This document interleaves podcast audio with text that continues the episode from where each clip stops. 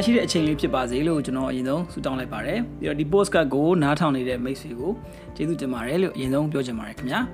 ကျွန်တော်ပိုကောင်းတဲ့အနာဂတ်တွေဖန်တီးနိုင်ဖို့အတွက် Better Version with Main postcard ကနေပြီးတော့တင်ဆက်ပေးနေတာဖြစ်ပါတယ်အဲကျွန်တော်တို့ဒီနေ့ဒီအစီအစဉ်လေးမှာပြောချင်တဲ့အကြောင်းလေးကတော့ကျွန်တော်တို့ marketing audit ပေါ့နော် marketing စင်းစစ်ချင်းလို့ခေါ်ခြင်းလဲခေါ်နိုင်မှာဖြစ်ပါတယ်အဲ့တော့ကျွန်တော်တို့ ရဲ့ဒီ channel ကတော့ဒါစီးပွားရေးလုပ်ငန်းရှင်တယောက်ရဲ့ဘဝဖြတ်သန်းမှုအကြောင်းတွေ marketing နဲ့အယောင်းပိုင်း branding အမှတ်တစိတ်တိစောက်ခြင်းအကြောင်းတွေကိုအဓိကပြောသွားမှာဖြစ်ပါတယ်အဲနောက်ပြီးတော့ကျွန်တော်တို့ Facebook page မှာလာမေးလေးရှိတဲ့မေးခွန်းလေးတွေကိုလည်းကျွန်တော်ပြန်ဖြေသွားတာမျိုးပါဝင်သွားမှာဖြစ်ပါတယ်အဲ့တော့ကျွန်တော်တို့ marketing audit ဆိုတာဘာလဲပေါ့နော် marketing audit ရဲ့သဘောကတော့ကျွန်တော်တို့ဒီ finance မှာဆိုရင်တော့ audit ဆိုတဲ့စကားလုံးကိုတော်တော်များများအဲသုံးလို့ရှိပါတယ် ဟိုသဘောကတော့ကျွန်တော်တို့စည်ရင်းစစ်တာပေါ့နော်အဲ့တော့ဒါဆိုရင် finance မှာစည်ရင်းစစ်တယ်လို့ပဲကျွန်တော်တို့ marketing ကလည်းအဲကျွန်တော်တို့ကစစ်ဆေးမှုတွေကိုပြန်ပြီးတော့လုပ်ဖို့လိုတာဖြစ်ပါတယ်အဲ့တော့ marketing audit ကဘာကြောင့်မို့လို့လုပ်ရလဲပေါ့နော်အဲ့တော့ marketing audit ကဘာဖြစ်လို့လုပ်ရလဲဆိုရင်ကျွန်တော်တို့ကကျွန်တော်တို့ရဲ့လက်ရှိအခြေအနေပေါ့ကိုယ်လုပ်ငန်းမှာကိုယ်လုပ်ငန်းနဲ့ပတ်သက်ပြီးတော့ marketing နဲ့ပတ်သက်ပြီးတော့ငါတို့ဒီဘလို့အခြေအနေမျိုးလေးတွေရှိနေတယ်လဲဆိုတော့ကိုကျွန်တော်တို့ကသိအောင်လုပ်တာဖြစ်ပါတယ် ဒါဆိုရင်ဘာဖြစ်လို့သိဖို့လိုတယ်လဲဆိုရင်ကျွန်တော်တို့ကကိုသွားခြင်းနဲ့ရီမန်းချက်ပန်းနိုင်ကိုလိုခြင်းနဲ့ဟလာရီမန်းချက်ပန်းနိုင်နေ marketing နဲ့ပတ်သက်တဲ့ရီမန်းချက်ပန်းနိုင်တွေကိုသွားတဲ့အခါမှာ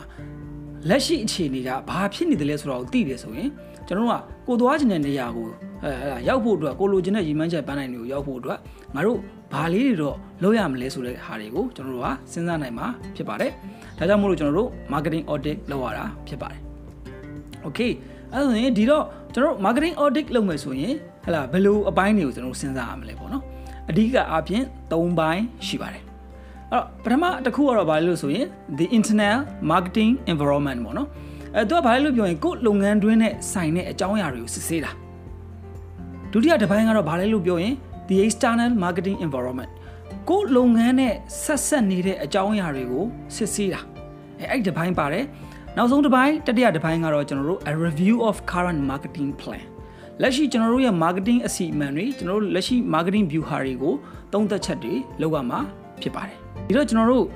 ဆက်ပြီးတော့မပြောခင်မှာကျွန်တော်သတင်းကောင်းလေးတစ်ခုကိုအဲပြောချင်ပါတယ်အဲ့ဒါကတော့ကျွန်တော်ဒီ podcast အဆုံးမှာဟာလာမိတ်ဆွေတို့အကျိုးရှိမဲ့အကြောင်းအရာတစ်ခုကိုကျွန်တော်ထည့်ပြီးတော့ဟာလာပြောသွားမှာဖြစ်တယ်အတွက်ကြောင့်မို့လို့တေချာလေးအဆုံးထိနားထောင်မှုကျွန်တော်ကဟာလာ request လုပ်ပါတယ် အဲ့တော့ audit ဖြစ်တဲ့အတွက်ကြောင့်မလို့ကျွန်တော်တို့ကမေးခွန်းလေးတွေကိုမေးပြီးတော့အဲ့ဒီမေးခွန်းနဲ့ပတ်သက်ပြီးတော့ဗောနော်ငါတို့ရဲ့လက်ရှိအခြေအနေကဘယ်လိုဖြစ်နေလဲဆိုတော့ကောင်ကျွန်တော်တို့1 to 5ဒါမှမဟုတ်လည်း1 to 10ပေါ့နော်အဲ့လိုမျိုးကျွန်တော်တို့ scoring system လေးနဲ့တွားရမှာဖြစ်ပါတယ်ဒီတော့ကျွန်တော်တို့ပထမဦးဆုံး the internet marketing environment ပေါ့လုပ်ငန်းတွင်းဆိုင်ရာအကြောင်းအချက်တွေကိုကျွန်တော်တို့ဟလာသုံးသပ်တဲ့အခါမှာမေးကြည့်တဲ့မေးခွန်းလေးတွေကနံပါတ်1ကတော့ဘာလဲလို့ဆိုရင်ကျွန်တော်တို့လက်ရှိကိုယ့်ရဲ့ marketing team မှာဆိုရင်ဘယ်သူတွေနဲ့ဖွဲ့စည်းထားလဲပေါ့နော် ဘယ်သူတွေနဲ့ဖွဲ့စည်းထားလဲလက်ရှိ marketing အဖွဲ့ကကောဘလောက်လောက်ထိထိရောက်မှုရှိအောင်လုပ်နေနိုင်တယ်သူတို့ကိုထင်တယ်လေသူတို့ရဲ့လုံနိုင်စွမ်းအားတွေကဘလောက်လောက်ရှိလဲဥပမာထားပါတော့ကျွန်တော်တို့က marketing team ထဲမှာလူ9ယောက်ရှိတယ်အဲ့ဒါ3ယောက်ကတော့ဟိုအရန်ကျွမ်းကျင်တယ်2ယောက်ကတော့တိတ်ပြီးတော့ဟလာ လောလောလားလားပေါ့နော်သူနဲ့သက်ဆိုင်ရာသူ့ကိုခံထားတဲ့လုပ်ငန်းကိုကျွမ်းကျွမ်းကျင်ကျင်နဲ့လုပ်နိုင်တဲ့အနေအထားမရှိနေသေးဘူးဆိုရင်ကျွန်တော်တို့ရဲ့ scoring ကနှိမ်သွားမယ်။အကယ်၍အဲ့မှာကျွန်တော်တို့9ယောက်လုံးကကျွမ်းကျင်နေဆိုကျွန်တော်တို့ scoring ကမြင့်သွားမယ်ပေါ့။ဒီသဘောကိုကျွန်တော်တို့ကပြောတာဖြစ်ပါတယ်။နောက်တစ်ခုကလက်ရှိ marketing ဌာနမှာကိုယ့်အဖွဲ့အစည်းမှာဆိုရင်တခြားအဖွဲ့အစည်းတွေနဲ့ဘယ်လိုမျိုးဆက်သွယ်ဆောင်ရွက်လေးရှိသလဲ။ဆိုတော့ကျွန်တော်ဒီမေးခွန်းကကြတော့ဘယ်လိုလဲလို့ပြောရင်ကိုယ့်ရဲ့လုပ်ငန်းနဲ့ကျွန်တော်တို့ marketing ဆိုတာကဟလာဒီ marketing department တစ်ခုတည်းကနေပြီးတော့အာ လုပ်ငန်းအောင်မြောင်လုပ်လို့မရဘူးတကယ်တမ်းကျရင်ကျွန်တော်တို့ကတေချာဖို့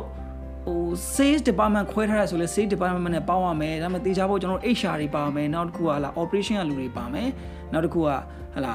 ဒီ finance ကလူတွေပါမယ်ပေါ့နော်စသည်ဖြင့်ဒီလိုနဲ့ကျွန်တော်တို့ကပုံပုံဆောင်ရွက်ကြတာဖြစ်တဲ့အတွက်ကြောင့်မို့လို့ကျွန်တော်တို့ဒီ team တွေကြားထဲမှာဘယ်လောက်ထိ collaborate လုပ်နိုင်တယ်လဲဆိုတော့ scoring ကိုလည်းကျွန်တော်တို့ကစဉ်းစားရမှာဖြစ်ပါတယ်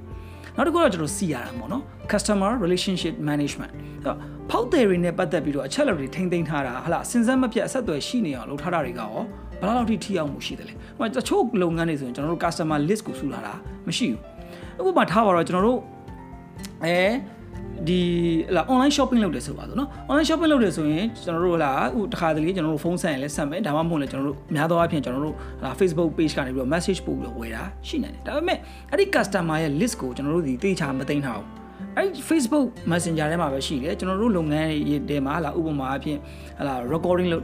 လုပ်ထားတဲ့ဟာပေါ့နော်ဥပမာ Excel နဲ့လုပ်ထားတာဖြစ်ဖြစ်တခြားတနေရာမှာတင်ထားတာမျိုးတွေလုပ်ထားတာမရှိတာမျိုးတွေဖြစ်တတ်တယ်အဲ့ဒါကြောင့်မို့လို့ကျွန်တော်တို့ကဒီဒီမှာဗာစဉ်းစားမလို့လို့ပြောရင်ငါတို့လုပ်ငန်းမှာ customer relationship management နဲ့ပတ်သက်ပြီးတော့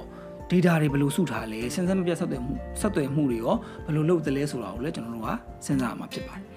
နောက်တစ်ခု marketing အတွက်အစီအစဉ်ချပြီးတော့လှုပ်ဆောင်တဲ့လုပ်ငန်းစဉ်တွေကရောဘယ်လိုအခြေအနေမျိုးမှာရှိလဲကျွန်တော်တို့ marketing process မှာလွယ်ကူနေလားပေါ့နော်ဥပမာအရောင်းပိုင်းနဲ့ marketing ပိုင်းနဲ့ချိတ်ဆက်တာဘယ်လိုနေလဲဟလာ operation ပိုင်းကရောဟလာဒီ marketing ကကြော်ညာသမျှကိုရောင်းရနိုင်အောင်ထုတ်ပေးနိုင်တဲ့အစွမ်းအားရှိနေရလားစသဖြင့်ဒီလိုမျိုးကျွန်တော်တို့ရဲ့လုပ်ငန်းစဉ်တွေကဘယ်လိုအနေအထားမျိုးလေးတွေရှိနေတယ်လဲဆိုတော့ကိုလည်းကျွန်တော်တို့သုံးသပ်မှာဖြစ်ပါတယ်နောက်တစ်ချက်ကတော့လက်ရှိကို့မှာရှိတဲ့ ဈေးကွက်ဟလာဖောက်တင်နဲ့ပတ်သက်တဲ့အချက်လက်တွေကိုဘယ်လောက်လောက်ထိတိကျတယ်လဲဘယ်လောက်လောက်ထိ update ဖြစ်လဲဥပမာအပေါ်မှာကျွန်တော်အရှိမပြောခဲ့တဲ့လိုမျိုးကျွန်တော်တို့ဒီ data တွေရေးကြည့်တယ်ဟလာ customer data တွေကိုကျွန်တော်တို့စုထားရမယ် customer ရဲ့ data ပေါ်မှာအခြေခံပြီးတော့ကျွန်တော်တို့ marketing လုပ်ရမယ် data မျိုးတွေကျွန်တော်တို့ပြောခဲ့တယ်ဒါပေမဲ့တချို့ကျတော့ရှိနေတယ်ဒါပေမဲ့ဘယ်လောက် update update ဖြစ်တယ်လဲဥပမာကျွန်တော်တို့အရင်တော့ဟလာလွန်ခဲ့တဲ့3နှစ်လောက်ကကျွန်တော်တို့ဆက်သွယ်ထားတဲ့ customer ရဲ့ဖုန်းနံပါတ်ကိုကျွန်တော်တို့မှတ်ထားတယ် အခုလာ operator တွေများတဲ့အခါကျတော့ customer တခြားဖုန်းပြောင်းသွားတယ်ဒါဆိုကျွန်တော်တို့ကကျွန်တော်တို့ရဲ့ customer ရဲ့ information ဒီ update ဖြစ်နေပါလို့ကျွန်တော်တို့ပြောလို့မရဘူးအဲ့တော့ဒီမိကုန်းကဘာလဲလို့ပြောကြတော့ကျွန်တော်တို့ရှိမှလက်ရှိဈေးကွက်နဲ့ပတ်သက်ပြီးတော့ customer နဲ့ပတ်သက်ပြီးတော့ရှိနေတဲ့အချက်လက်တွေဒီဘလားလောက်ထိဟလာ update ဖြစ်တယ်လဲဆိုတဲ့အချက်ကိုကျွန်တော်တို့ကစဉ်းစားရမှာဖြစ်တယ်နောက်မိကုန်းတစ်ခုကဘာလဲလို့ပြောရင်ကျွန်တော်တို့ product အသစ်အတွက်စ조사တယ်ဆိုရင်ကိုဘယ်အဲ့ဒီဟာကဘလို့အခြေအနေမှာရှိတယ်လဲပေါ့ပုတ်ကူကျွန်တော်တို့ product အသစ်တစ်ခုထုတ်မယ် okay ဒါဆိုရင်အဲ့ product ကိုကျွန်တော်စပြီးတော့ idea อ่ะเนาะဒီ idea စထုတ်တဲ့အချိန်ကနေစပြီးတော့ဈေးကွက်တွေဖြတ်တဲ့အဆင့်တွေမှာဘယ်လောက်လောက်ထိထိထိရောက်ကျွန်တော်တို့လုံနေနိုင်တယ်လဲဆိုတဲ့အချက်ကိုစဉ်းစားရမယ်နောက်တစ်ခုကကျွန်တော်လက်ရှိ product တွေရဲ့အမြတ်ဆုံးအခြေအနေဘယ်လိုရှိလဲဒါကိုလည်းကျွန်တော်တို့ပြန်သုံးသပ်ကြပါမယ်ဥပမာထားပါတော့ကျွန်တော်တို့ရှိမှာ product 5ခုလောက်ရှိတယ်ဟလာ sales ကဟလာတသိန်းရောင်းရတယ်ပေါ့နော်ဒေါ်လာတသိန်းပိုးရောင်းရတယ် okay ဒါဆိုရင်ကျွန်တော်တို့ product A က တခါကျရင်8000ဘူးလောက်ရောင်းသွားပြီးတော့ကျန်တဲ့၄ခုကမှ2000ဘူးလောက်ပဲ contribution လုပ်တာဖြစ်ကောင်းဖြစ်နေတယ်အဲဒါမှမဟုတ်လည်း A နဲ့ B နဲ့ကတော့ဟလာ6000ဘူးလောက်နှစ်ခုကိုရောင်းရတယ်တခြားဟာတွေကတော့အဲတခြား၃ခုကတခါ2000 2000နဲ့ပြန်ခွဲပြီးတော့ညီမမြရောင်းနေရတယ်ဖြစ်ကောင်းဖြစ်နိုင်တယ်ဆိုလိုတာကကို့မှာ product များတယ်ဆိုရင်ဘယ် product ကကျွန်တော်တို့ဟလာအလုပ်ဖြစ်တယ်လေဘယ် product ကကျွန်တော်တို့အတွက်ကို contribution ပို့ပေးတာလဲ profit ပို့ပေးတာလဲဆိုတော့ကိုသိအောင်စူးစမ်းမှာဖြစ်တယ် နောက်တစ်ခုကကျွန်တော်တို့ marketing မှာအရေးကြီးဆုံးတစ်ခုဖြစ်တဲ့ကျွန်တော် pricing strategy ပေါ့နော်ကိုသတ်မှတ်ထားတဲ့ဈေးနှုန်းတွေကကောမှန်ကန်မှုရှိရလားကိုလုပ်ငန်းကလိုချင်တဲ့အမြတ်အစွန်းကိုပေးနိုင်လောက်တဲ့အနေအထားရှိရလားဟဲ့လားဒီရှင်ပြိုင်နိုင်စွမ်းအားပေါ့နော်ဈေးကွက်ထဲမှာရှင်မယ်ဆိုရင်ကောငါတို့လက်ရှိချမှတ်ထားတဲ့ဟဲ့လားဈေးနှုန်းဒီဟဲ့လားရှင်ပြိုင်နိုင်စွမ်းရှိရလားဆိုတဲ့အချက်လက်ကိုလည်းကျွန်တော်တို့ကစဉ်းစားရမှာဖြစ်တယ်နောက်တစ်ခုကကျွန်တော်တို့ ဒီဟလာတော်တော်များများပြောလို့ရှိတဲ့ marketing program 4P တဲ့ကနောက်တစ်ခုဖြစ်တဲ့ distribution place ပေါ့နော် distribution အနေထားကဘယ်လောက်လောက်ရှိလဲငါတို့ရှိမှာဥပမာကျွန်တော်က FMCG product ဆိုပါစို့ဟလာ FMCG product ဆိုရင်ငါတို့ရှိမှာ wholesale ဘယ်နှယောက်ရှိနေပြီလဲ retail ကဘယ်နှယောက်လဲအဲ့ဒီ retail မှာမှာ retail ကနေပြီးတော့ contribution ကဘယ်လောက်လာတာလဲဘယ်လောက်ရောင်းရတာလဲပေါ့နော်ဟလာ wholesale ကကော wholesale ကကောငါတို့ဘယ်လောက်ရောင်းနေရလဲစသဖြင့်ကိုယ့်ရဲ့ distribution channel က ဘယ်လောက်လောက်ထိ strong ဖြစ်နေတယ်လဲဆိုတာကိုလည်းကျွန်တော်တို့ကသုံးသပ်ကြမယ်ဟလာ scoring ပေးကြည့်ရမှာဖြစ်တယ်နောက်တစ်ခုကကျွန်တော်တို့လက်ရှိလုပ်နေတဲ့အယောင်မြင့်တည်ရေးလုပ်ငန်းစဉ်တွေ promotion customer တွေနဲ့ဟလာဟိုဆက်သွယ်ပြန်ကြားရေးပေါ့နော်အဲ့ဒီဟာတွေကဘယ်လောက် effective ဖြစ်တယ်ကျွန်တော်တို့ကြော်ညာတွေဒီထိရောက်သလားမထိရောက်မထိရောက်ဘူးလားအဲ့ဒါစသဖြင့်ဒါလေးကိုလည်းကျွန်တော် scoring ပေးကြည့်ရမယ်နောက်တစ်ခုကတော့ကျွန်တော်ဖောက်တင်တဲ့ထိတွေ့ဆက်ဆံနေရတဲ့ဝန်ထမ်းတွေကိုရောတင့်တော်တဲ့လူတွေ တေချာရွေးချယ်ခန့်အပ်ထားရဲ့လားငါတို့ရဲ့ salesman တွေဒါမှမဟုတ် service ပေးနေရတဲ့လူတွေဥပမာကျွန်တော်တို့ဟလာ hotel ဆိုပါတော့ hotel ဒီဟလာသူဆက်ဆံရမှာလားဒီ hotel မှာပေါ့နော်ဝန်ထမ်းတွေဒီဒီ reception တို့ဟလာ bell boy တို့ဟလာနောက် housekeeping ဟလာဟို restaurant မှာရှိမဲ့ waiter စသည်ဖြင့်ဒီလူတွေကိုရောကျွန်တော်တို့ဒီလိုအပ်တဲ့အရေးချင်းတွေကိုဖြည့်ဆည်းတားပေးတာမျိုးလုပ်ထားရဲ့လားဆိုတော့ မေကွန်အဲ့မေကွန်လည်းကျွန်တော် scoring ပေးကြည့်ရမှာဖြစ်တယ်နောက်တစ်ခုကတော့ကျွန်တော်တို့ကဗာလဲလို့ပြောရင်ကျွန်တော်တို့ customer တွေဒီကျွန်တော်တို့ကုန်ပစ္စည်းနဲ့ကျွန်တော်တို့ရောင်းတဲ့ရောင်းကုန်ကိုဝယ်ယူဖို့သုံးဆွဲဖို့စ조사တဲ့အခါမှာလုပ်တဲ့အခါမှာဘယ်လောက်ထိလွယ်ကူအဆင်ပြေနေရဲ့အဆင်ပြေနေမှုရှိရဲ့လားပေါ့နော်ဘယ်လောက်ထိအဆင်အဆင်ပြေလွယ်ကူနေမှုရှိတယ်လဲပေါ့ဥဥပမာ customer တော့ကျွန်တော်တို့ရဲ့ promotion ကကောင်းတယ်ပေါ့နော်ကျွန်တော်တို့ advertising အရန်ကောင်းတဲ့ခါကျတော့ကျွန်တော်တို့ပစ္စည်းကိုကြိုက်တယ် ဆက်သွယ်လေ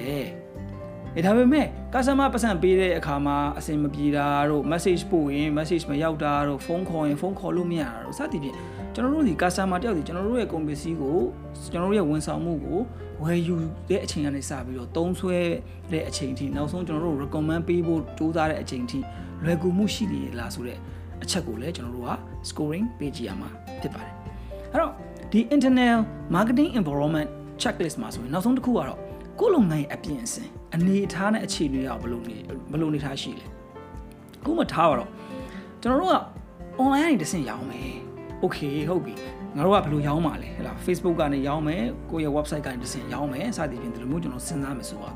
ဒါဆိုရင်ကျွန်တော်တို့ Facebook ကိုလာတာနဲ့ customer တွေအထင်ကြီးလောက်အောင် customer တွေယုံကြည်မှုဖြစ်ရလောက်အောင်ပြင်ဆင်ထားရဲ့လား